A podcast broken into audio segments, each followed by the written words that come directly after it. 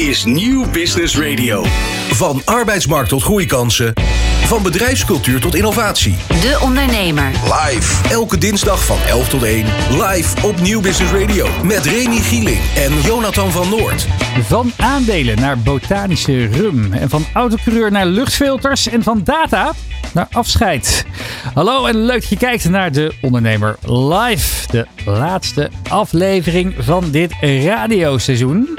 Aan de desk aangeschoven co-host Jonathan van Noord. Jonathan, laatste aflevering. Hoe heb jij je mentaal voorbereid? Nou, mentaal voorbereid heb ik niet al te veel, eh, veel moeite voor hoeven doen. Maar Geen ik heb, slapeloze nacht, hè?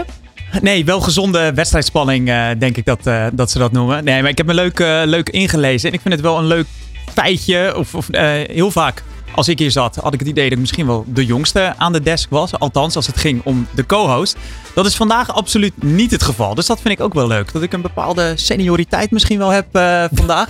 Dus eh, we gaan het zien. Ja, nou mooi, eh, mooi om, eh, om, om dat soort te introduceren. Want inderdaad, de komende twee uur worden we weer bijgestaan in raad en daad door onze, onze, onze gast vandaag. En het interessante is dat het, de autoriteit Financiële Markten eerder deze maand zegen heeft gegeven. Namelijk een vergunning heeft verleend aan het sharepfunding platform Broccoli. Het zijn vaak voorbij gekomen in de uitzending bij ondernemers die daar hun, eh, de aandelen van hun bedrijf op hebben geparkeerd. Want het groene investeringsplatform heeft daarmee nu echt een erkende financiële instelling. En eh, ja, volgens de nieuwe Europese wetgeving is de medeoprichter Wouter Hagoort, die hier vandaag aanwezig is, nou ook de jongste eh, bestuurder van de financiële instelling in Nederland. Met 25 jaar jong. Leuk dat je er bent. Wouter, Dankjewel, Remy. Goed, eh, goed om, eh, om hier te zijn. Heb je gezonde wedstrijdspanning? Of, eh, of Zonder wedstrijdspanning zeker. Dat Ja? is juist de beschrijving. Ja. Precies, precies. Hey, eh 25 jaar, jaar, jaar jong.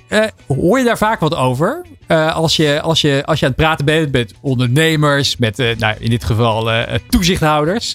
Ja. Nee, eigenlijk nooit. Eh, anders dan vorig jaar ben ik een keer genomineerd voor de 25 onder de 25 van MT Sprout. En toen hadden een aantal klanten die mij een berichtje ben jij 25 was? Eh, en toen ja, blijkbaar. En eh, nee, ik sta er zelf niet zo bij stil. Eh worden gelukkig heel serieus genomen door klanten en nou, sinds kort ook door de toezichthouder. Dus dat is heel mooi. En nou, ik denk dat mijn leeftijd in die zin alleen maar baat heeft bij jong energie. Ja, Ehm, ook ons team is relatief jong. Dus dat matcht makkelijk. En ehm, eh, ja, ik denk dat door onze leeftijd het ons ook wel lukt om deze markt in zekere zin een beetje te disrupten.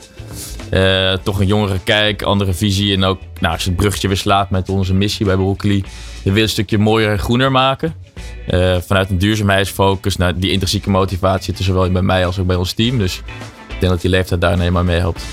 nou kennen kijkers en luisteraars het eh, concept van eh, crowdfunding ongetwijfeld. Eh, we hebben jaren geleden ooit de Kickstarter in Nederland eh intreden zien doen. Ja. Je, je, iemand heeft een leuk project. Je geeft een, een zakje met geld. En dan kreeg je dan in het verleden altijd een product of zo voor terug. Mhm. Jullie doen aan sharefunding. Dat is iets anders. Hoe verschilt dat? Nou, in die zin heb je dan denk ik drie vormen. Dus je had net even over Kickstarter. Die hebben eigenlijk de markt opengebroken. Dus inderdaad, iemand die een idee had voor een hele coole elektrische fiets. Die Ja. ging dat funden door... Nou, te zeggen, als je eh, 1000 euro eh, investeert, dan krijg je over een jaar een fiets. Investeer je 2000, krijg je hem over een half jaar. Ja. Ehm, daarna zag je vrij snel de switch naar crowdfunding, zoals we dit in Nederland kennen, voornamelijk een focus op vreemd vermogen. Hè, dus een investeerder of een ondernemer haalt x bedrag op. En dan krijg je zoveel procent rente. Ja, en die investeerder krijgt x procent rente, aflossing SI. Dit is het onderpand, dus vrij afgekaderd risicoprofiel. Ja, vrij boring. Boring, helemaal eens, helemaal eens. Nee, maar ehm, eh, toen kreeg je vrij snel uit de Anglo-Saxische wereld, dus Amerika, Engeland, kwam equity crowdfunding op. Waarbij eh, eh, je als investeerder voor een klein stuk mede-eigenaar kan worden met een bedrijf. Nou, hier in Dat, Nederland. dat, dat moet je heel even, heel even uitleggen voor, voor de leek die denkt equity funding. Ja, equity. Equity betekent eigenlijk niks anders dan eigen vermogen. Ja. En eigen vermogen maakt als, een, als de verhouding eigen vermogen vreemd vermogen bij een bedrijf gezond is, is een bedrijf solvabel, zoals de boekhouder dan zou zeggen. Dat betekent gezond. Ehm, Maar even heel plat geslagen, het gaat hier over aandelen, toch? Je, koopt een, je koopt een stukje van je bedrijf, van een bedrijf. Je bent Ja. echt mede-aandeelhouder. Dat zeker. is natuurlijk iets anders dan dat je gewoon een eh, lening hebt verstrekt. Het geeft, toch een ander, ander, ander gevoel Ander en, gevoel. en wij- betrokkenheid wij bij maken altijd vergelijk met als je natuurlijk een lening verschaft, dan ben je een schuldeiser. En als je investeert op aandelen, ben je een mede-eigenaar. Ja. Dus dat klinkt alleen in termen al heel anders. En zo proberen we het ook uit te leggen. Nou, hoe, uh, hoe dat uh, tot zijn recht komt. Wat voor bedrijven bij jullie op het platform staan waar je allemaal in kan investeren. Waar je mede-eigenaar van kan worden. Wat erbij komt kijken. En of ja, misschien ook op ondernemers zijn die luisteren en denken. Goh, misschien ook wel interessant voor onze bedrijven. En of daar Broccoli een mooie partij voor is. Ja. Daar spreken we de komende twee uur met elkaar over. Genoeg om over te praten. We gaan snel van start. Van arbeidsmarkt tot groeikansen. Van bedrijfscultuur tot innovatie. De Ondernemer. Live. Elke dinsdag van 11 tot 1. Live op Nieuw Business Radio. Maar we beginnen zoals iedere uitzending met het laatste ondernemersnieuws. Dit is het uh, ondernemersnieuws van dinsdag 27 juni. Hollywoodsterren Ryan Reynolds en uh, zijn uh, compagnon Rob McElhenney ik hoop dat ik het goed uitspreek, Jonathan. Investeren samen met uh, Michael B. Jordan 200 miljoen euro in het Formule 1 Alpine team van Renault voor, nou, pak een beetje 24% van de aandelen. Ook een soort equity crowdfunding. De investering uh, die loopt via investeringsmaatschappij Maximum Effort samen met uh, Otro Capital en uh, Redbird Capital Partners. De acteurs ja, die hebben een royaal zakelijk imperium uitgebouwd. Zo verkocht Reynolds recente telefonie, telefoniemaatschappij Mint voor nou, pak een beet een uh, miljard dollar eerder dit jaar. En is hij ook eigenaar geworden van de Britse voetbalclub Wrexham AFC.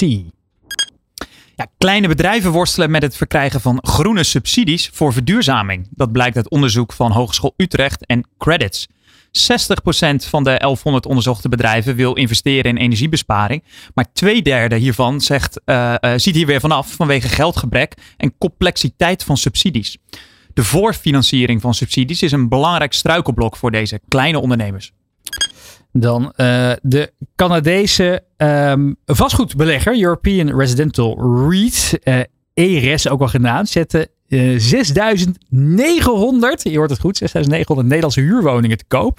En het is mogelijk de grootste vastgoeddeal op de Nederlandse woningmarkt. In ieder geval in jaren. Het is een dochter van een, grote, van een andere grote organisatie. En ja, die verkoopt vanwege de behoefte aan kapitaal voor investeringen in Canada. En ook door de toenemende mate van regulering en belasting in Nederland. Dus dit enorme vastgoedportfolio. Het biedt uiteraard weer kansen voor investeerders en ondernemers. Die ja, hier ook weer, weer een mooie kans inzien. Dus uh, als je wat uh, vastgoed wil kopen, dit is je kans.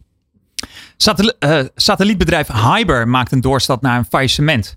Onder Finch Capital wordt de focus verlegd naar de olie- en gassector via hun winstgevende joint venture Hyber Hilo. Finch Capital heeft al 10 miljoen geïnvesteerd en is bereid om tot 50 miljoen te investeren in deze sector. Dit biedt potentiële samenwerkings- en investeringskansen voor ondernemers in de satelliet- en energieindustrie. Ja, en dan sluiten we af met ja, helaas tragisch nieuws wat ons ter oren kwam vanochtend. De prominente Brabantse ondernemer Erik van Dijk is om het leven gekomen bij een fietsongeluk in Oostenrijk. Het uh, ongeval vond plaats in de nacht van zaterdag op zondag toen hij en een vriend aan het mountainbiken waren en in het donker in een rivier terechtkwamen. Van Dijk die overleed ter plekke terwijl zijn vriend met hoofdwonden in het ziekenhuis uh, is opgenomen. Erik van Dijk was mede-eigenaar van de Van Dijk Groep, een bedrijf dat zich gespecialiseerd in financiering, vastgoed, participaties. En ja, Van Dijk Groep heeft op LinkedIn ook aangegeven dat ze met intens verdriet afscheid moeten nemen. Vier het leven, want het duurt maar even, was zijn levensmotto, zo schrijven ze. En Erik van Dijk werd slechts 49 jaar jong. Voor meer ondernemersnieuws, kijk op deondernemer.nl. De Ondernemer. Live op Nieuw Business Radio. Ja, gelukkig uh, gaat het uh, hier ons uh, in de uitzending een, een, voor de wind. Wat we gaan hebben over aandelen. Nou, crowdfunding, we hebben het al genoemd, hè, dat is gesneden koek. Sharefunding, dat is nog lang niet bekend bij iedereen. En sharefunding platform Broccoli, ja, dat wil daar verandering in gaan brengen. Aangeschoven is medeoprichter en Wouter Hagoort. Met 25 jaar jong, de jongste bestuurder van een financiële instelling in Nederland. Uh, is dat al geland, uh, Wouter? Dat je de jongste bestuurder bent van de financiële instelling? Nog niet echt. Ik schreef toevallig gisteren op LinkedIn dat we nu onze tiende partij live hebben gezet. Dus we hebben twee weken geleden vergunning gekregen en in die tussentijd drie partijen live gezet. Dus eigenlijk vanaf moment één dat we die vergunning hadden, was het weer volle bak in de operatie. Um, en dat lukt gelukkig heel goed. Maar echt stilstaan hebben we nog niet gedaan. Hoe gaat het eigenlijk tot die tijd? Want je hebt dan de vergunning een paar weken gekregen. Er stonden ja. al een hele hoop partijen op het platform. Ja, kan je dat gewoon doen in een soort van in afwachting van de vergunning? Uh, nee, je dossier wordt eigenlijk tijdelijk uh, gefrozen, bevroren. En in die tijd heeft de Autoriteit Financiële Markten en de Nederlandse Bank de tijd om je dossier te behandelen. Uh, en die termijn is wettelijk gezien 12 weken, maar die wordt vaak niet gehaald, dus die duurt wat langer. Dus we moesten wat langer geduld hebben. En uiteindelijk was 6 juni het verlossende moment. Was het nog spannend? Ehm, ja, eigenlijk altijd. Maar als je luistert naar je, naar je adviseurs en consultants. Je hebt 12 weken daarvoor de volledigheidsverklaring gekregen. Waarmee dus de toezichthouder stelt, nou, je dossier is volledig verklaard. Nu gaan we hem inhoudelijk bekijken. Maar ja, je kunt natuurlijk nooit iets volledig verklaren zonder er echt een beetje inhoudelijk naar gekeken te hebben. Dus we wisten dat we op het juiste pad waren. Maar ja, je gaat dan toch eh, zitten duimen draaien en ijsberen. En als het woord er dan echt uit is, dan, eh, ja, dan voelt het goed. Ja, Wouter, voor, de mensen die hier zitten te luisteren en die denken van, huh, konden jullie daarvoor dan geen eh, eh, aandelen eh, uitgeven? Of wat Ja. was, het- bestond het platform toen nog niet? Wat betekent deze uitspraak van de AFM nou precies dan? Ja, het is eigenlijk een volledig nieuwe wet vanuit de Europese Unie, dus de ESMA. En die hebben eigenlijk gezegd, alles wat te maken heeft met crowdfunding, zowel vreemd vermogen als eigen zowel lening als aandelen, moeten vanaf 10 november aanstaande aan die Ah, vergunning voldoen. ja. Eh, heb je die daarvoor niet, dan moet je op slot. Hoe ze dat gaan handhaven, nog geen idee. Ehm, eh, dus, maar wat het concreet betekent, is eigenlijk voornamelijk twee dingen. Professionalisering van de huidige aanbieders. Dus eigenlijk een professionaliseringsslag in de sector. Denk ook wel wenselijk. Ik denk wenselijk, ja zeker. Want er wordt in iedere nieuwe sector een boel gecowboy. Ja. En uiteindelijk als er zo'n ja, slag vanuit de overheid komt, wat alleen maar goed is, zorgt dat voor professionalisering. En de tweede hele belangrijke is beleggersbescherming. Ehm, dus jullie, ja, jullie kennen het vast allemaal wel rondom leningscampagnes. Dus op een gegeven moment het, eh, het woord kregen, let op, geld lenen kost geld. Ja. Nou, probeer altijd een beetje te vergelijken. Dit is wel een stuk complexer, hoor, maar een beetje te vergelijken te maken dat wij nu ook de belegger moeten, hè, van het risico moeten, eh, moeten, moeten beschrijven in ook ons platform. Van hey, let op. Hetgeen wat je nu gaat doen, aandelen kopen, is durfkapitaal. Hè, het rendement is niet zeker. Eh, wees ervan bewust dat het geld wat je investeert kunt verliezen. En beleg nooit meer dan dat je kunt Ja, verliezen. daar hebben we zo meteen nog een mooi voorbeeld van. eh, eh, ook op het platform. Dus daar gaan we het zeker Ja. ook nog even over hebben. Ik was nog wel benieuwd. maar dat kwam. Ik heb een tijd geleden heb ik een boek gelezen over een van de bestuurders. die, achter, die achter van een van de toenmalige directeuren van. ehm, eh, van, van, van, van Molly was het. Ook zo'n financiële instelling. Remco de hè?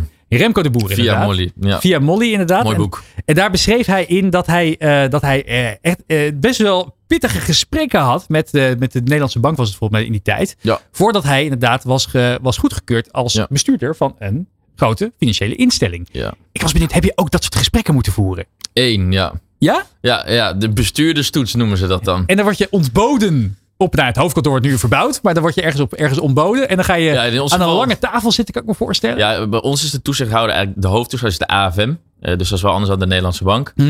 Eh, maar bij ons was de AFM en er waren inderdaad twee, eh, twee senioren heren waar ik aan moest rapporteren. Ja.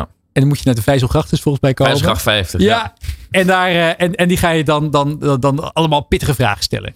ja, het is wel een bijzondere happening. Want het, is- het gebouw is ook een soort van mix tussen een, ja, een rechtbank en een kantoor. Het is heel bijzonder met de eye-scans en fingerskins. Eh, dus het is ja. wel een bijzondere happening. Het ziet er ook, ja, het ziet er ook een beetje, een beetje gloomy. Ik weet dat mensen het ook voor, voor hun hoofd hebben. Het Vrij anoniem. Ja, Het is wel vrij anoniem, ja. Maar dat hoort er natuurlijk denk ik ook wel een beetje bij. Maar hele formele sec- ja, setting en... eh, je kon niet even over koetjes en kalfjes beginnen. nee, geen koetjes en kalfjes. nee, nee, nee. Niet hoe was het weekend? Nee, dus het was ja, vakinhoudelijk en je integriteit als bestuurder. Dat soort, eh, dat soort vragen en stellingen en, en, en scenario's worden er dan geschetst. Ja, Nou, je bent er met vlag en wimpel doorheen gekomen. Dat is hartstikke goed. ja dan, Je bent het platform eh, vorig jaar mei begonnen met eh Dirk eh, Neleman. ja, Maar die kennen we van de wijn. Van de wijn. Ja, volgens mij was hij zelfs bij, bij de ondernemer, ondernemer van het jaar 2020. Ja, Zeker. Eh, dus een geweldige compagnon in die zin. Eh, vriend van de show kunnen we zeggen. 20 jaar ouder. Ik benadruk het er ook nog maar eventjes. Ja, eh, technisch gezien had het mijn vader kunnen zijn, ja. Maar ehm, ehm, nee, het is gelukkig mijn compagnon. En eh, inderdaad, eh wijnpionier in de biologische wijn. Ehm, in die zin een geweldige ambassadeur ook voor wat wij doen. Eh, was in Nederland een van de eerste met dit Sheriff initiatief. Heeft dat mega succesvol gedaan. Ehm, en ja, ik kan ontzettend veel van hem leren. De ervaring, de creativiteit. ehm, en om hem dan naast je zijde te hebben, dat is wel een heel prettig ondernemen. Kan wel, hoe, ja, lijkt me ook alweer. eh hoe zie je, nou, la- laten we beginnen bij het begin. Ik heb hier Ja. heel veel vragen over. Maar Ja. beginnen bij het begin. Hoe zijn jullie met elkaar in contact gekomen? Mm. Sorry, even een slokje water. Maar ik werkte hiervoor eh, voor mezelf als freelance. Ja. Ja, werkte bij voor verschillende platformen. En een van die platformen was Dirk destijds ook klant met Neleman. Had daar al twee succesvolle rondes gedraaid. En wat Eh, deed je als freelance? Wat was jouw expertise? Ja, business development. is Eigenlijk voornamelijk gewoon heel plat gezegd sales. Ja. Eh, maar ik vond het consulteren op dit soort eh financieringsvraagstukken echt super intrigerend, heel interessant. En op een gegeven moment een keer de bal laten vallen bij Dirk van... Hey Dirk, ehm, eh, als ooit Opportunity bij Nederland zich voordoet... dat ik jullie kan helpen bij dit soort financieringsvraagstuk... hak me dan alsjeblieft aan. Ja, En, en die kans kreeg ik. En zodoende, ehm, nou ja, voor twee dagen per week... daar eigenlijk een soort van interim eh, geholpen... met alles omtrent sharefunding. Ja. Eh, en op een gegeven moment eh, liepen wij uh, na, na een jaar samenwerken samen langs de IJssel in Zutphen, want ze hebben een kantoor in Zutphen. En ik vertelde over mijn ideeën over sharefunding en hij over die van hem. en die matchte behoorlijk. En toen dachten we, moeten we niet gewoon zelf zo'n platform gaan ontwikkelen? Specifiek in de food, agri en drinks. Want we merkten dat gedurende corona was dat de sector die knetterhard ging. ja. En er was niemand, Europees gezien, die echt die niche focus had. Ehm, en die focus wilden wij wel. Waarom? Omdat wij heel erg geloofden in plaatsingskracht van dat platform. Oftewel het investeerdersnetwerk. Ja, en dat netwerk dat krijg je alleen gemobiliseerd als er een bepaald niveau bedrijven op staat. En bedrijven die nou, elkaar versterken. Dus eigenlijk een soort van cross-sell onder die investeerders.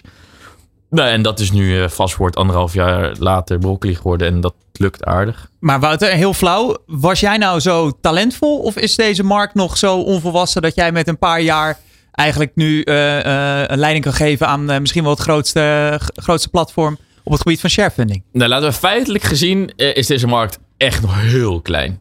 Dus als je kijkt, crowdfunding vorig jaar was een miljard in Nederland, waarvan eigen vermogen aandelen 80 miljoen. Dus peanuts. Maar als je vergelijkt het jaar daarvoor, 2021, was de markt, even uit mijn hoofd, ik geloof ergens rond de 2, 33 miljoen. En nu dus vorig jaar 80. Dus dat verdrievoudigt bijna ieder jaar. Dat was een mega groei. En ik zeg altijd, ja, dat die markt groeit, dat komt ergens vandaan. Dat is toeval. Maar als je toeval wil benutten, is er actie nodig. En ik denk dat we die actie verzilverd hebben met ons platform. Toch eventjes over die naam. Ik vind hem zelf heel geestig. Ja. Broccoli. Het, Ja. eh, het, het, het spreekt tot de verbeelding. Ik kan hem ook ontzettend makkelijk onthouden. Hij is internationaal. Hij is internationaal. Maar hoe, waarom hebben jullie voor broccoli gekozen? Ja, ook daar weer alle Had je ook niet credits. wortels kunnen, kunnen kiezen? Eh, Nee, nee, nee. Ook daar weer alle credits naar Dirk. Eh, we zijn natuurlijk gaan brainen over een naam. Ja. Eh, de missie en visie hadden we al staan. Food, agri, groen. Food. Ehm, het zijn gewoon eens gaan googelen. Wat zijn de drie gezondste groentes? Dan kom je bij broccoli terecht. Boerenkool, spinazie. Ehm, toen kwamen we erachter dat broccoli... eh, Dat kun je ook wat leuk doen met het logo. Met boerenkool, spinazie. Was het alweer wat moeilijker. Ja. Eh, toen kwamen we erachter dat je broccoli internationaal hetzelfde schrijft en uitspreekt. En ten derde kwamen we erachter dat het ja, ook nog eens het merkrecht vast te leggen was voor broccoli, Europees. Dat is gelukt. Ehm, en ook weer een bruggetje naar de financiële kant. Zoals ik net in het begin al zei, we maken bedrijven financieel gezonder, solvabeler, richting de broccoli, groen. Eh, en Dirk en ik vinden broccoli allebei ook overwegend lekker. Dus dat helpt ook wel. Niet onbelangrijk, niet onbelangrijk. Nou ja, een van de bedrijven die via Broccoli aan sharefunding doet, ja, dat is Spirited Union, een botanical rummerk. De start-up Ja. wil groeien en op het Mediapark wordt er flink getoeterd naar allerlei eh, bevriende mensen die eh, in het eh, ja, befaamde Hollywood, eh, de Hollywood Tours karretje willen stappen. Maar we hebben het inderdaad over het eh, botanical rummerk eh, Spirited Union. De start-up wil groeien, wil uitbreiden, heeft daar een miljoen euro voor nodig. Sharefunding was de route. En hoewel de campagne pas enkele dagen loopt, is al 62% van de 10.000 aandelen verkocht. We bellen ook even daarover met oprichter Ruben Maduro. Ruben, goedemorgen. Hey, goedemorgen. Hey, leuk dat je er bent. Eventjes voor de mensen die het nog niet hebben eh, eh, gezien of gehoord. Wat, eh, wat, wat doet Spirited Union en hoe onderscheiden jullie je van andere rumsoorten?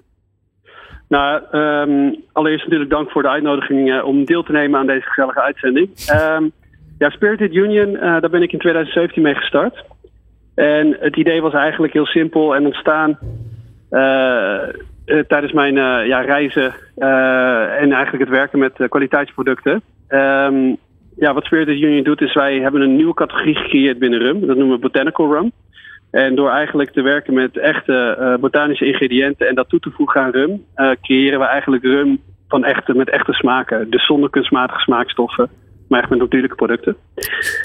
En Hoe, eh, eh, hoe- ja, dat doen we eigenlijk al een tijdje. En dat doen we allemaal vanuit Amsterdam. eh, en inmiddels ook actief in 22 landen over heel de wereld.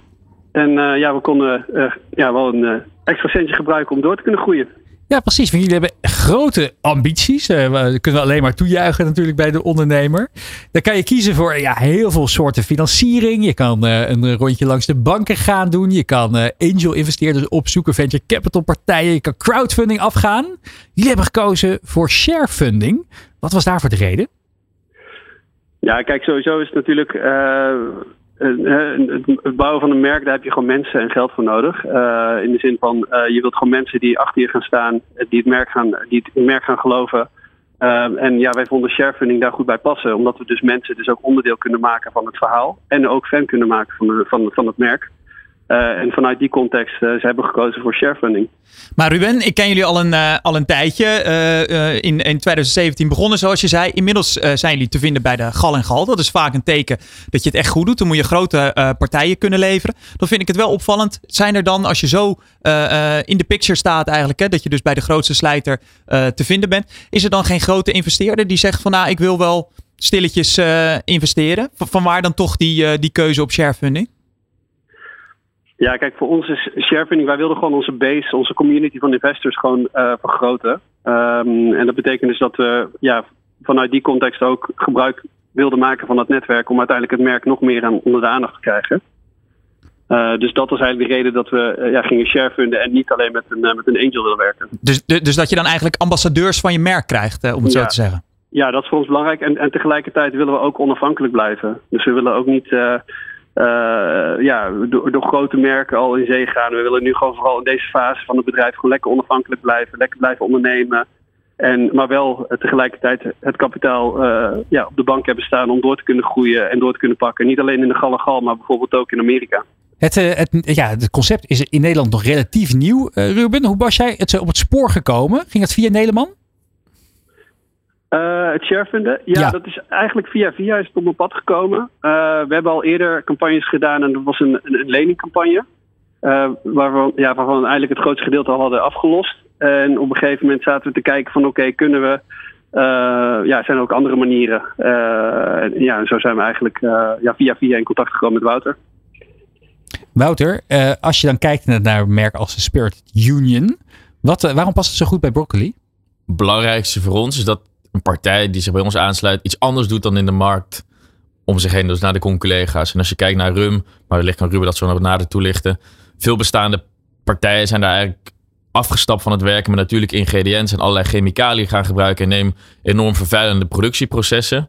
En Spirit Union is echt weer teruggaan naar de kern, naar de kwaliteit, met een distillerij in uh, Amsterdam. Daar volledig zelf te produceren. Um, en heeft haar productieproces ingericht met allerlei duurzame materialen. Dus noem zonnepanelen op het dak, energie-neutrale ketels. Um, en daarbij gewoon de ambacht van de productie natuurlijk weer heel mooi. Uh, die ook zeer aanspreekt bij bij onze doelgroep. Daarnaast hebben we in het verleden ook eerder een whisky-propositie gefund. En het interessante van Spirited Union is dat doordat zij werken met die botanicals en langgerijpte single, single vaten van, van rum, uh, is die smaakniveau te vergelijken als een whiskyproever. Uh, en die brug is wel leuk te maken om die ook weer aan onze investor community neer te leggen. Dus vandaar dat die campagne ook goed en snel loopt. Ja, Ruben, we moeten ook zo meteen door met het programma. Ik was nog even benieuwd. Jullie hebben nu 62% van de 10.000 aandelen al verkocht. Gaat hartstikke lekker. Uh, maar er is nog een kleine rit te gaan. Dus ik denk dat het mooi is om even een oproep te doen aan de kijkers en luisteraars. Waarom zouden zij moeten investeren in Spirited Union? Wat is jouw elevator pitch? nou, mijn elevator pitch, ja, simpel. Um, ja, doe mee. Uh, sluit je aan bij Spirited Union. Wij hebben um, ja, jouw geld hard nodig. Onder andere omdat we net live zijn gegaan in Amerika. En dan gaan we uh, met een van de grootste retailers in het land uh, gaan we uitrollen naar vijf staten. Um, genaamd Whole Foods. we gaan dus een nieuwe super premium lijn in introduceren. En die speelt eigenlijk in op een groeiend segment binnen rum, namelijk super premium. Dus naast mixen, dus ook straks lekker om te sippen.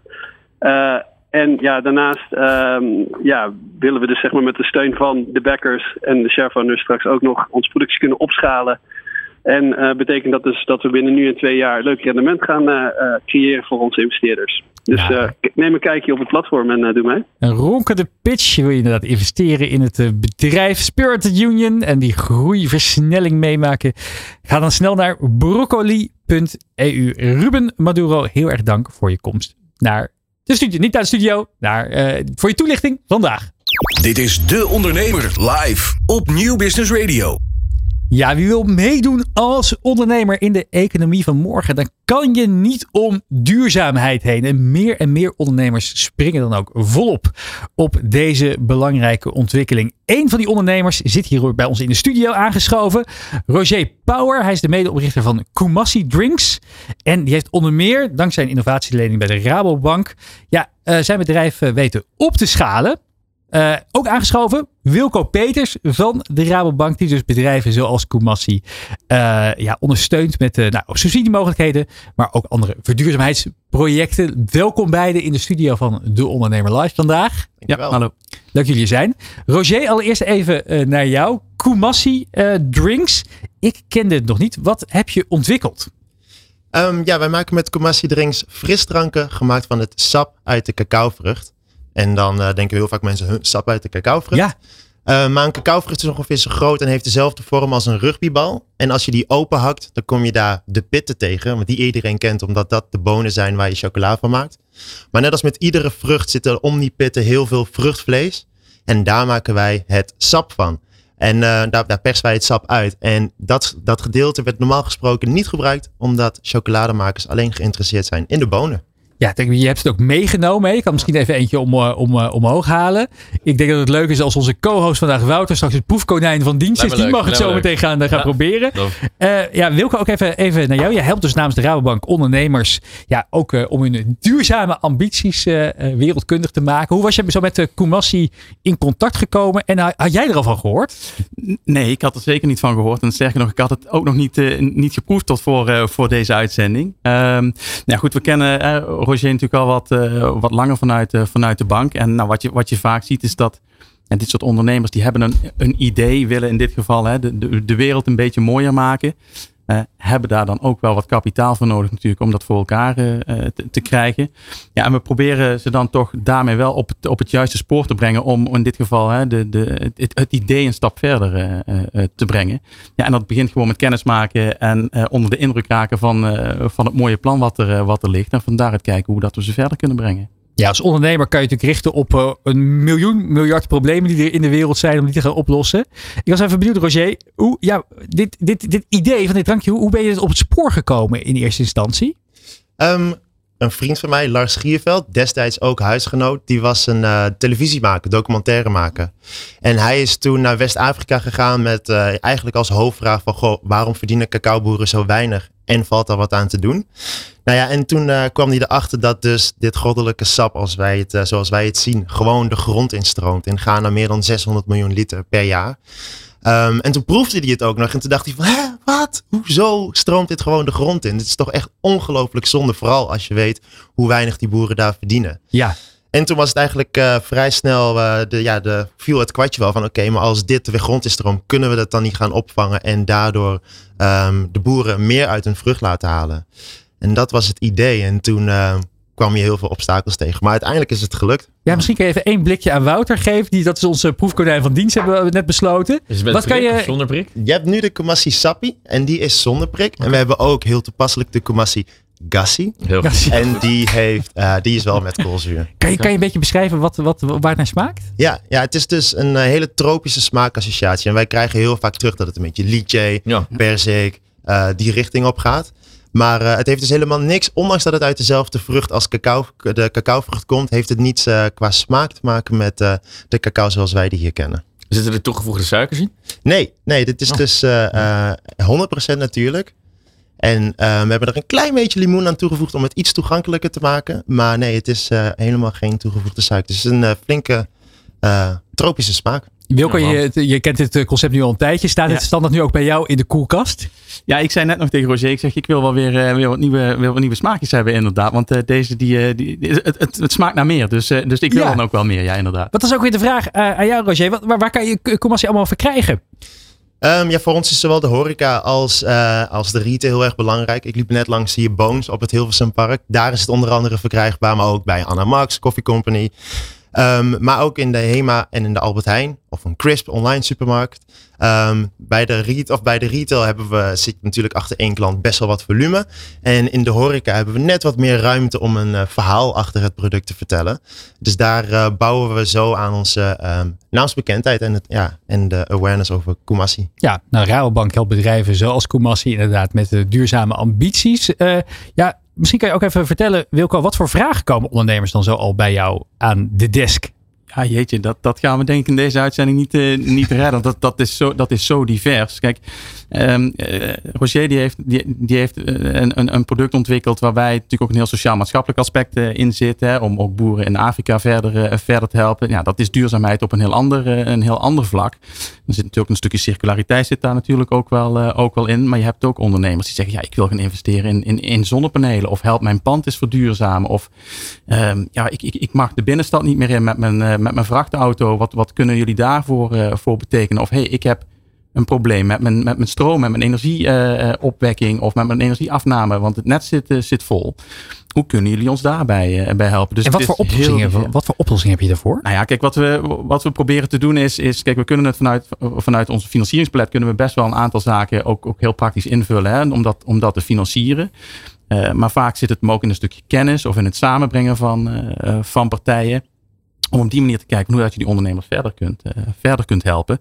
Eh, maar uiteindelijk op het moment dat de financieringsvraag bij ons komt, nou, dan hebben we daar ook echt wel in de verschillende fases wel de mogelijkheden voor. Ja, Om die ondernemer daarbij ehm, eh, een, een stuk op weg te helpen of helemaal op weg te helpen. ja, jullie kunnen ook meedenken over onder andere de subsidiemogelijkheden die Ja. er zijn. Dus een speciale subsidiedesk Ja, die, er, klopt eh, die er inderdaad. beschikbaar is. En Roger, welk- welke vraag had jij specifiek? Welke, waar, waar kwam jij bij, eh, bij, eh, bij, bij, eh, bij Wilco mee aankloppen? Nou, bij ons was het meer dat we dus vanuit die documentaire in één keer live gingen. Ja. En meestal begin je met een, met een bedrijf van oké, ik zie ergens een gat in de markt. Dat kan ik beter of goedkoper of sneller of whatever. Maar bij ons was het meer van we zien een probleem in de markt. En daar hebben we dan een oplossing voor bedacht. Maar we waren nog niet zeker van of dit ook zou worden opgepakt. Ehm, om dan daar volop voor te kunnen gaan, ja, dat is best wel lastig. Want je moet toch ook je eigen onderkomen kunnen blijven betalen. Je, je eten en zo. Ja. En, ehm, De schoorsteen moet toch roken, zeggen ze Precies, ja, ja, inderdaad. Nou ja, en toen was de Rabobank. We hebben toen een, eh, zijn we in aanmerking gekomen voor de Rabo Innovatielening. En dat was helemaal aan het begin van het traject. Dus eigenlijk nog voordat wij eh, ons hadden bewezen, heeft de Rabobank destijds gezegd van nou, wij geloven erin en we willen jullie daarin ondersteunen. Ehm, dus mede dankzij die eh, innovatielening hebben wij wel die eerste stappen kunnen zetten. En ook onze banen kunnen opzeggen en ons eh, ja, echt hier volop kunnen gaan richten. Dus dat was heel erg belangrijk voor ons in het begin, absoluut. Ja. Heb je, want we hebben vandaag eh, de, de co-host is, eh, is Wouter hier. Die heeft, eh, is van het bedrijf broccoli.eu. Ze doen aan sharefunding. Dus er is, is dat weer een, natuurlijk een, ja, een, een langzaam maar zeker opkomende markt in Nederland. Nog klein, je hebt het al beschreven, hè, 80 miljoen Ja. ongeveer. Van, de, van, de, van, de, van, de, van, de, van de crowdfunding taart die, die nu nog aan, aan sharefunding wordt gedaan. Hoor je daar, zie, zie je daar ook ja, meer stappen in komen, Wilco? Dat mensen daar ook meer aan, aan het kijken zijn? Nou, dat is natuurlijk een, een, een ontwikkeling die al wat langer loopt inderdaad. Je noemt al de crowdfunding platforms. Die, die, die kennen we natuurlijk ook al wel wat, eh, wel wat langer. Eh, stapelfinancieren is zo'n begrip wat je wel vaker hoort. Of pizza financieren. Nou ja, allerlei van dat soort termen hoor je voorbij komen. Kijk, Al smakelijke namen allemaal, aangehangen. allemaal smakelijke termen inderdaad. Kijk, uiteindelijk kunnen wij als banken ook niet alles, eh, alles financieren. En, en, en, en we willen ook niet altijd alles financieren. Hè. Zo eerlijk moeten we ook wel, eh, wel zijn. Dus dan is het goed als we samen met de ondernemer of samen met soort partijen gaan kijken. Hoe dat je zeg maar toch die plannen van die ondernemer ehm, voor, voor, elkaar kunt, eh, voor elkaar kunt krijgen. Ehm, dus dus nou, ik denk dat het alleen maar goed is dat je op die manier ook gewoon meer, het, geld meer toegankelijk maakt voor, voor goede ondernemers zoals Roger. Dat je daarmee ja, ze verder kunt brengen. Ja, Roger, eh, het klinkt natuurlijk heel mooi. Je hebt inderdaad een idee. Nou, de Rabobank die wil dat eh, financieren. En nu lig je in allerlei horecazaken. En ook eh, zelfs, de, zelfs retail eh, zijn jullie verkrijgbaar. Ja. Maar daar zijn natuurlijk heel veel stappen tussen gegaan. We hebben waarschijnlijk met allemaal hoogtepunten, met diepe dalen. Wat waren een aantal van de uitdagingen die je bent tegengekomen in, eh, in, in, in, in, die, in, die, in die opstartfase naar, eh, naar waar je nu staat? Ja, die, hebben we, die komen we dagelijks eigenlijk wel tegen. Maar als we weer teruggaan naar het, dat, dat lanceermoment van die documentaire, dan, ja, in ons geval werden we eigenlijk overrompeld door, eh, door enthousiaste mensen. Van, hey, wow, ik wil het ook krijgen. Eh, eh, horecazaken die bij ons aankwamen kloppen. En toen moesten we in één keer alles gaan opschalen. Echt dat we dachten van, nou, hier over die stappen waar we, eh, die we nu aan het maken zijn, die hadden we verwacht dat het pas over een half jaar zou komen. Dus ja, toen kregen we wel weer meteen die eh, vraag van oké, hoe gaan we dit allemaal klaarspelen? Uh, hoe krijgen we het financieel rond? Want je gaat in één keer vier keer zoveel produceren. Maar ja, je moet alles vooruit gaan betalen. Dus dat waren wel uh, veel uitdagingen. De, om, om er even één te noemen. Maar ook over de communicatie. Dat is ook iets ongoing waar we de hele tijd weer achter komen van oh jeetje, we hoeven misschien niet eens dit te communiceren. Maar is deze boodschap veel belangrijker? Dus dat zijn leuke uitdagingen om mee bezig te zijn in ieder geval. Want even voor mijn beeld, je hebt die vrucht. En daar kan je dat vruchtvlees van uh, gebruiken om dit heerlijke sap van te maken. Of deze heerlijke drankjes van te maken. Hoe komt dat dan uit? Hoe wordt dat geproduceerd uiteindelijk? Ja, dus hoe het normaal gesproken met een cacao-productie gaat in West-Afrika is dat ik, al de vruchten worden tijdens het oogstmoment uh, opengehakt. Alles wat in die vrucht zit, wordt op een grote stapel gegooid. En dan blijven de bonen over doordat de zon hartstikke hard schijnt en het sap verdwijnt de grond in. Wij stappen daar, voegen daar één stap tussen en in plaats van dat het dus allemaal op een grote stapel wordt gegooid, gaat het in een emmer. Wij nemen die emmer mee, die persen wij en dan blijven de bonen intact en we vangen het sap op. En daar krijgen de boeren direct voor uitbetaald. Dus minder voedselverspilling, extra inkomsten. En dan gaan de boeren verder met, die, uh, met de cacao-productie. En met het pure sap, dat brengen we naar Nederland om het uh, af te vullen tot drinks. Precies, dus je perst het daar op locatie. Ja. En hoe, uh, uh, Wouter, ik eventjes een beetje, ik hoorde dit en jullie hebben op, op broccoli.eu ook allemaal mooie projecten staan hè, van Nederland Wijnen, ja. die medeoprichter, die ook een sharefunding uh, heeft gedaan om bepaalde goede ambities te realiseren. We hadden net in de, in de uitzending ook nog Ruben Maduro van de Spirited Union, een botanische rummerk. Ja, volgens mij voldoet het het, het, het, concept van Roger ook aan alle, aan alle vinkjes, toch? Ja, Als ik eens kijk, het is een vernieuwend product. Het zit in, de, in de consumermarkt. Het is ook nog eens duurzaam. Is dit, is dit zo een droomklant voor jullie? ik moet wel eerlijk toegeven dat Commerce wel op in onze scope zat. Ik heb volgens mij jouw compagnon Linda ook ja. ontmoet op Plant Forward. Dus daar had ik volgens mij de Gassi uh, ja, ja. al geproefd. Uh, die vind ik lekkerder overigens. Um, maar, ook mijn favoriet. ja, ook mijn favoriet. nee, dus uh, qua profiel past pascommatie perfect. Uh, wij zijn ons wel vanaf de start initieel gaan focussen op bedrijven met minimaal 1 miljoen euro omzet uh, op jaarbasis. Om uh, een bepaald risicoprofiel in ieder geval uit te sluiten. Om ook een bepaald vertrouwen te creëren bij onze investeerders. Eigenlijk zoals een bank ook doet. Ja. Ehm, daar bewegen we langzaam maar zeker wel wat van af. Dus meer richting start-ups. Waarom? Daar krijgen we heel veel vragen vanuit onze investeerders aan. en het is natuurlijk ook wel heel veel tof om bedrijven in fase zoals die van jullie verder te helpen naar meer richting een scale-up fase.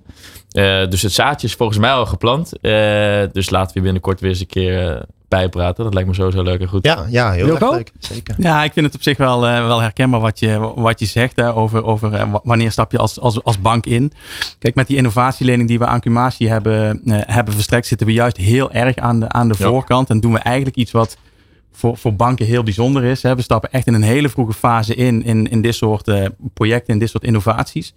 Uh, omdat we erin geloven. Maar die ondernemer moet zich inderdaad nog wel bewijzen. Heeft nog geen omzet, heeft nog geen track record. Maar we geloven wel in het concept en in die ondernemer. Um, uh, en, nou goed, en dan kunnen we ze daarmee op gang, op gang helpen. Dus, dus, dus wij, wij, durven daar onze nek in die zin wel, wel meer in uit te steken wat dat betreft. Ja. ja, het is prachtig dat je juist meerdere, meerdere passende aanbieders hebt. Nee, maar dat elke, voor elke fase. Zei, die, die, stapelfinanciering, die, die, die, ja, dat is denk ik gewoon heel erg goed. Ja, al heeft de pizza-financiering qua naam nog steeds ja, mijn grote, mijn ja, grote, ik zie inderdaad hier ook al linkerbanen uh, zitten. Ja, ja, ja. Hey, uh, Roger, uh, laatste vraag eigenlijk ook weer voor jou. Hè. Wat, wat is de ambitie? Waar gaan we naartoe met Kumasi? Hoe gaan we dit een megalomaan wereldwijd succes maken? Ja, nee, bij Nog groter dan is. Ja, ja, ja nee. Bij, bij ons is uh, een van de belangrijkste KPI's is hoeveel boerengezinnen we uh, helpen. We begonnen ooit met 10. Inmiddels zijn het er 350. Nou ja, als we er een keertje rond de 30.000 hebben of zo, dat zal wel heel erg tof zijn. Maar goed, dan merk je wel van, dan gaan we niet alleen in Nederland redden, maar dan moeten we ook internationaal gaan doorzetten. En daar zijn we ons nu op aan het voorsorteren. Dus um, um, ja, hoe meer sap we hier verkopen, hoe meer boeren we in uh, West-Afrika kunnen helpen. En dat is uh, waar we het voor doen. Ja, cool. Ontzettend mooi verhaal. Ik ga het zo meteen met heel veel plezier proberen. Ik hoop dat je een uh, gassie hebt meegenomen. En ik uh, uh, wens jullie ontzettend veel succes. En ook ontzettend goed dat jullie hier vandaag waren. Zowel Roger Power als van, van Comassi als Wilco Peters van de Rabobank. Die samen met alle collega's ondernemers helpt om duurzaam op te schalen. De Ondernemer. De Ondernemer live. Op Nieuw Business Radio. Ja, en uh, Jonathan van Noord voor de oplettende kijker is inderdaad uh, de studio uitgesneakt. Dat is met een reden. Hij staat hier voor de deur, want hij uh, gaat twee, twee ondernemers interviewen. Waarvan één we wel heel vaak gehoord hebben, ook bij De Ondernemer Live.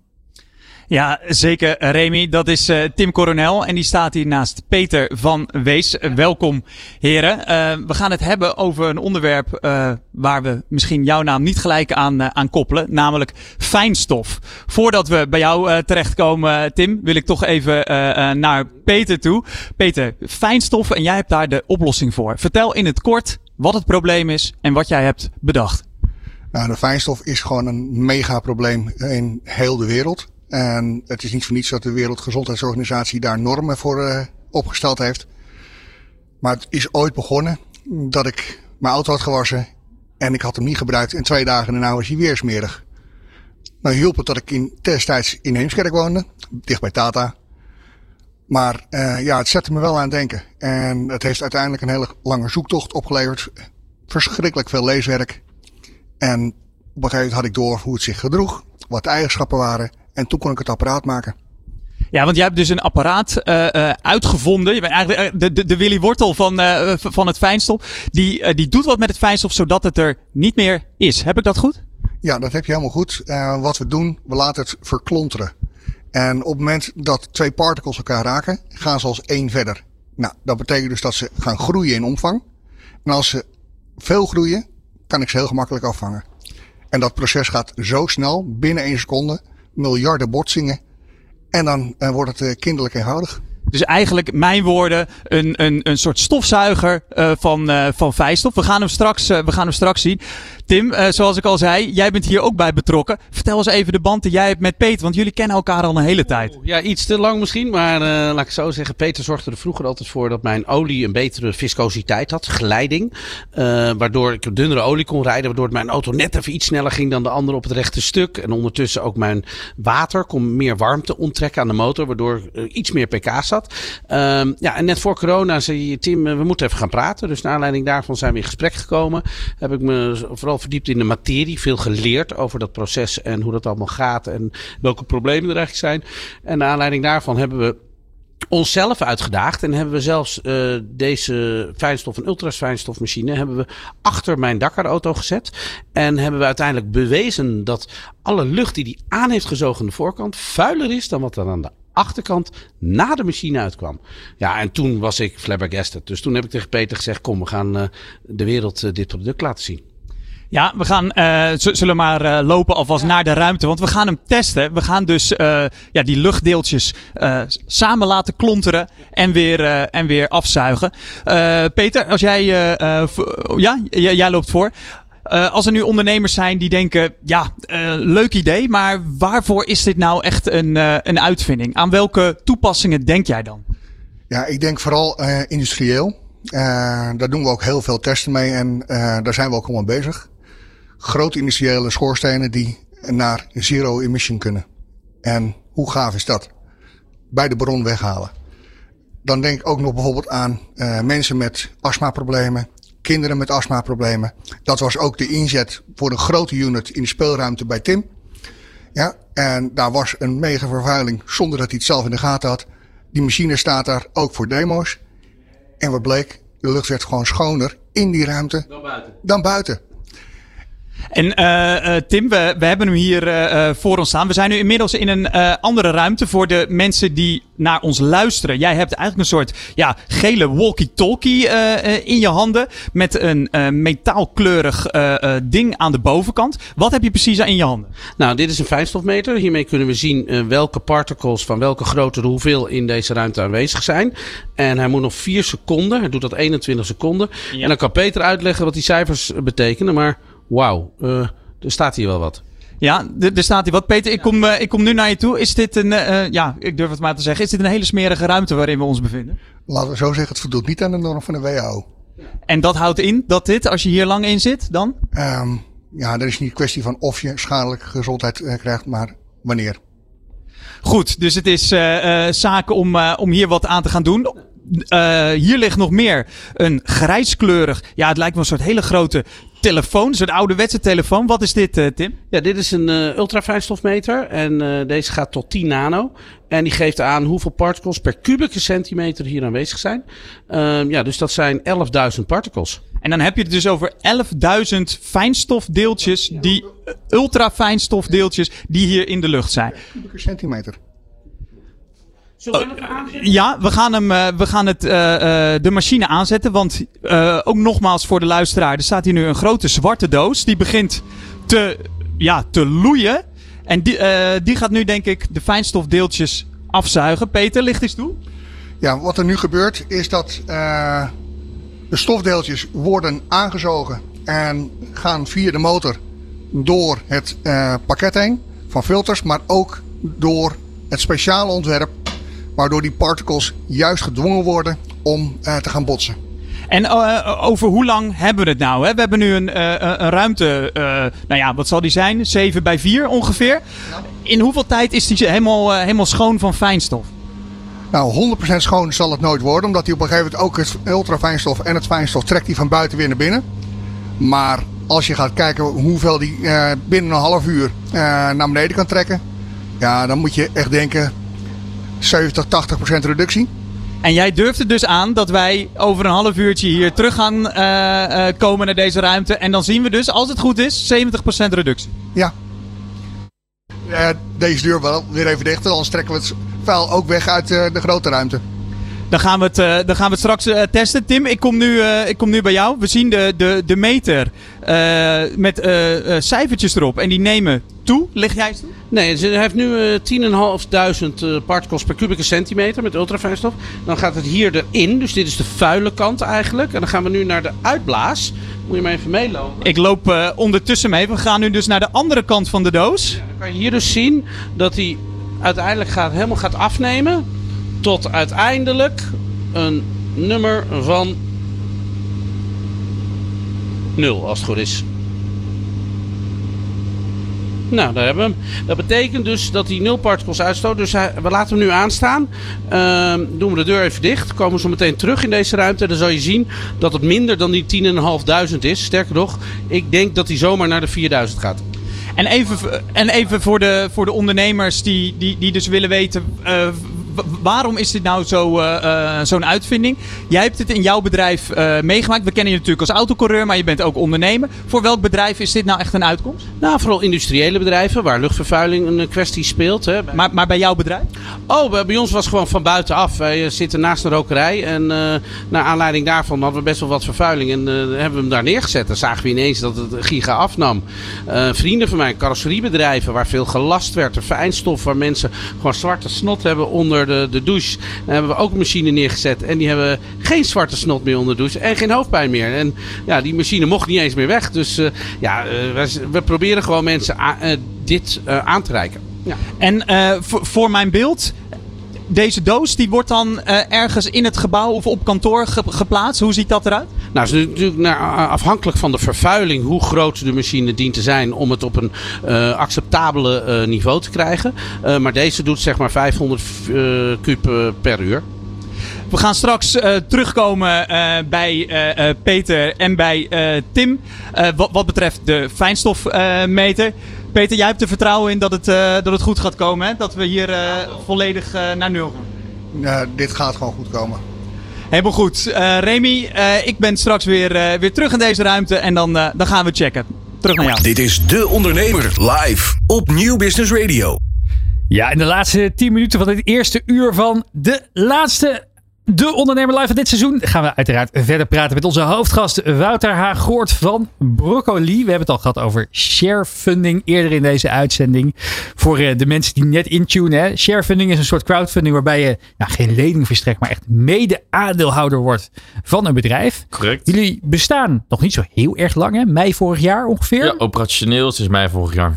Jullie hebben al ongelooflijk veel mooie partijen kunnen aansluiten. Nou, allereerst natuurlijk Nederland Wijnen van jouw Ja. co-founder, eh, van jouw co-founder. Mhm, zeker. Maar ik zie hier ook staan Oma Soep, Bus Whisky, Smile. Dat zijn eigenlijk die ja, kleine Tapstabletjes, ja. ta- tapstabletjes inderdaad. Ja. We hebben YB, Yogurt Barn, Sla, de Bolster Biologische Zaden, Spirited Union, de Frieske en Yummy Gums. Ja. En wat mij heel erg, eh, eh, wat, wat ik hier in, eh, in, in, in een soort van ehm, trend hierin zie, is dat ze allemaal hele ja, geinige namen hebben.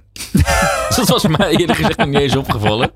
Ehm, Dat is geen Ja. criteriapunt voor jullie, nee, nee, nee, nee. Ik denk een beetje inherent aan het creatief, disrupt, eh, ondernemende verhalen, zeg maar. Ja, het zijn wel veel dingen die ook in de supermarkt te verkrijgen zijn bijvoorbeeld. Of in ieder geval in, in slijterijen. In, Ja. eh, Ja. is dat echt ook waar... waar is, daar, is er nou gewoon daar dan... Is, is dat een markt dat heel snel een opkomst is? Waar, waar Nou, ik denk dat deze partijen voornamelijk overeenkomen dat ze allemaal een direct-to-consumer kanaal hebben. Dus allemaal een webshop Ja. van zelfs een biologische zaadveredelaar als de Bolster.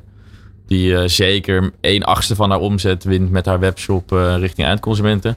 Jimmy Gums, een bus whisky kun je direct whisky bestellen. Zelfs bij Spirit Union kun je direct rum bestellen. Bij de Frieske kun je een kaasabonnement afsluiten. Oma soep moet je nog steeds wel echt naar de appie. Binnenkort ook meer supermarkten. Ehm Smaal ook echt direct to, eh, to consumer via een webshop. Dus dik, dik 60, 70% van de omzet. Dat, maar dat neemt nu ook steeds meer retail toe. Dus ligt bij de appie, Jumbo. wat, eh, wat typeert de ondernemers achter deze bedrijven? Is daar, is daar, is daar, is, is daar, zie je daar een soort eh, homogene, homogene overeenkomsten in? Ja, uiteindelijk hebben ze allemaal maar één ding centraal. En dat is een wereld een, mooi, een stukje mooier achterlaten. En dat is denk ik ook zo leuk aan deze sector. En het klinkt misschien een beetje gek, maar wij doen nauwelijks tot geen sales. Al onze klanten komen via via. En dat dat van tevoren nooit durven dromen. Maar ik denk dat dat heel erg in lijn is met deze sector. Omdat al deze bedrijven zijn bezig met the greater good. Ja, Dus als ze succesvol kapitaal bij ons hebben gehaald hebben, dan, dan schreeuwen ze het van de daken naar hun conculega's en in andere markten. En zo komen ze bij ons. En dat zie je dus ook in ons investeerdersnetwerk. Is waarom we initieel begonnen zijn, is om die te laten kruisbestuiven. Dat we nu gemiddeld voor elkaar krijgen om tussen de 30 en 40 procent van zo'n campagnedoelstelling uit ons bestaande netwerk op te halen. En dan bedoel je met je bestaande netwerk, dat zijn dus consumenten, particulieren die al geïnvesteerd hebben? super breed scala. Dus van particulier ondernemer, die, of particulier die 250 euro investeert, een ondernemer die 10.000 euro investeert tot een toch wel professioneel belegger die een paar ton doet. Eh, dus voor jullie beleving, we hebben nu eh, bijna 15 miljoen euro opgehaald. Nou, daar is zeker van, met 150 investeerders hebben daar ruim 8 miljoen van gedaan. Dus zeg maar, de, de classic Pareto-analyse, de 80-20 is hier ook wel eh, van toepassing. Hey, even als, ehm, eh, neem ons even mee door het proces. Ik ben eh, enerzijds een, een, een, een ondernemer. Ik Ja. heb inderdaad een bedrijf, dat sluit bij jullie aan. Ik meld mij aan op jullie website. Mhm. Ik kan me voorstellen dat een plukje aandelen, die wordt in een soort stichting gezet. Ja, Eh, en, die, en, die, en, die, en die certificaten in die stichting die komen te koop via jullie platform. Is dat een beetje... hè? ja bijna. Bijna. Bijna. Ja, zit heel warm. Ja, precies. De, daar- hou dat vast. Hou Ja, dat vast. Vervolgens ben ik een consument of een ondernemer die ook graag in andere ondernemers investeert. Hè? Want Ja. ondernemers willen ook graag andere ondernemers helpen. Ja, zeker. Ik maak een account aan een broccoli. Je ziet de beschikbare campagnes. Nou, zoals nu Spirited Union. Ik Ja. zie dat het doel eh, een, miljoen aande- of een miljoen euro is in 10.000 aandelen. Ja. Er zijn nog iets meer dan 3.500 aandelen beschikbaar. Ik klik op de knop investeer nu. En dan kan je vervolgens zelf bepalen hoeveel aandelen je wil kopen. Correct. In dit geval is het minimum 10 stuks, dus 1000 euro. Ja. En waarom zou iemand dat willen doen? Wat wij altijd zeggen is: iemand investeert per definitie om zijn of haar geld te laten renderen. Maar wij vinden het enorm belangrijk dat impact net zo zwaar telt als rendement. En dat zie je dus ook terugkomen in die beleggers, ook als we zowel kwalitatieve als kwantitatieve vragen stellen. Zijn dat de twee dingen die altijd bovenaan staan? En een stukje rendement kwantificeren is heel moeilijk. En dat heeft ermee te maken dat het dus aandelen zijn die je koopt. Je stapt in op een toekomstverwachting. Drie jaar, vier jaar, vijf Ja. jaar, zes jaar, zeven jaar. Want je wil ooit ook weer die aandelen kunnen verkopen met een x procent rendement. Ja. Dus je krijgt niet van tevoren een eh, Nee. eh, v- 4% rente bijvoorbeeld. eh, eh, Nee, daarom blijf ik de term durfkapitaal zo mooi vinden. Dus je moet het Ja. ook wel echt wel durven om te doen. Ehm, maar stap niet sec in voor dat rendement. Want eh, de bedrijven waarin je investeert, die die disrupt de daadwerkelijke markt. Dus je draagt ook bij dat zij die verandering kunnen, kunnen bewerkstelligen. Nou, en iets waar jullie voor mij ook al op richten. Dat je heel duidelijk maakt in, in, in hoeveel eigenlijk er wordt, wordt, wordt, wordt weggegeven van het, Ja. van, de- van, de- van, het- van het Essentieel. kapitaal. Essentieel, Net ja. zoals bij, bij Spirited Union staat er gelijk op de eerste, de, de eerste zin die ik lees. Ja. De bedrijfswaardering van Spirited Union Holding is 6,5 miljoen en een beetje. Ja. Pre-money valuation, beetje technische termen, gaan we niet op in. Eh, Tegen de equity van 13,3 procent. Ja. Dus dat is, dat is eigenlijk wat zij Ja, aanbieden aan Klopt. consumenten of Klopt. andere ondernemers. Ja. Om dat stukje van het bedrijf eh, eh, te kopen. Correct, correct. Dus ja, als een investeerder bij ons komt en de meeste vragen twee dingen. Wat is de prijs per certificaat? En hoeveel van het bedrijf geven ze weg? Precies, precies. ze? Want ik heb ook al in het verleden bedrijven gezien, ik zal geen namen noemen, die inderdaad een, eh, een, een equity share funding campagne zelf gingen doen. Waarbij uiteindelijk je wel certificaten kon kopen. Maar dan kreeg je maar echt een, een, een ik noem het altijd eh eh, gekscherend, een homeopathisch verdund aandeel Homeopathisch, in de, in, Ja. de, in, in, in, in de club. Dus eigenlijk, Ja. je Dat kocht was zo klein? Ja, dat Was je, nee, echt, echt, echt, echt, weet je, wel, een, een, een, een, een honderdste promiel van het bedrijf kreeg je dan in handen. Ja. Dus dat, dat is natuurlijk wel iets waar je ook, denk ik, weer de, de, de, de mensen die hierin willen stappen, ook misschien wel een stukje moet, moet, moet, moet educaten, moet scholen. Educatie is, is hier key in. En, en die markt die ontwikkelt zich vanzelf. En ook weer een heel makkelijk bruggetje hier te maken is naar die vergunning toe. Hè, die vergunning, of de AFM, de DNB, die gaan ons niet bemoeien met welke bedrijfswaarderingen ze in de markt zien. Maar die gaan wel vanuit een bepaalde sanity check uit. Dat wij snappen hoe deze markt werkt. En de bedrijfswaardering daarin is essentieel. Want je wil gaan weten, als ik 1000 euro investeer, hoeveel procent heb ik dan van dat bedrijf? Investeer je zelf ook wel eens mee? Mag niet. Nee? Nee, dus onderdeel van Op andere platforms? Eh, zou kunnen, maar doe ik niet. Eh of trouw natuurlijk alleen wat bij ons platform. Nee. Maar eh, nee, dat mag helaas niet. Ik, initieel toen ik begon was het idee zelfs... oké, laten we een stuk van onze kosten in equity rijden. Dan bouwen we meteen een mini-fonds. Je hebt ons pensioen gefixt. Ja. Maar dat vond de toezichthouder niet zo'n goed idee. Natuurlijk belangenconflict, belangenverstrengeling. Dus nee, dus ik niet, aandeelhouders niet, werknemers niet. Hoe, eh, hoe, hoe ziet jullie verdienen er dan uit? Wat, wat, eh, wat, we hebben het eerder in de uitzending gehoord. De schoorsteen moet toch roken. Ja, ja, Eh, zelfs bij een duurzaam investeringsplatform als Broccoli. zeker. Gelukkig niet op stookolie alleen. Hoe, hoe zien jullie verdienmodel eruit? Tweezijdig, vrij simpel eigenlijk. Dus enerzijds rekenen we transactiekosten. Dat is 6%. Dus stel iemand investeert 10.000 euro, dan houden wij 600 euro in en storten 9400 euro door naar de ondernemer. Ja. Anderzijds hanteren we Is dat, software. is dat marktconform? Eh, boven marktconform. Eh, en dat doen we bewust, want bij de voordeur schrijf je dan meteen het kaf van het koren. Want iemand die niet bereid te betalen, nou, dan hebben wij ook geen zin om daar tijd en energie in te besteden. Ja. En anderzijds, wij presteren ruim boven markt gemiddeld met dat 30, 40 procent uit ons netwerk wat ik net beschreef. Ja. Dus de marktleider in dit segment is Cedars eh, uit de UK. Mhm. Zit ook rond dat percentage, vragen dezelfde fee.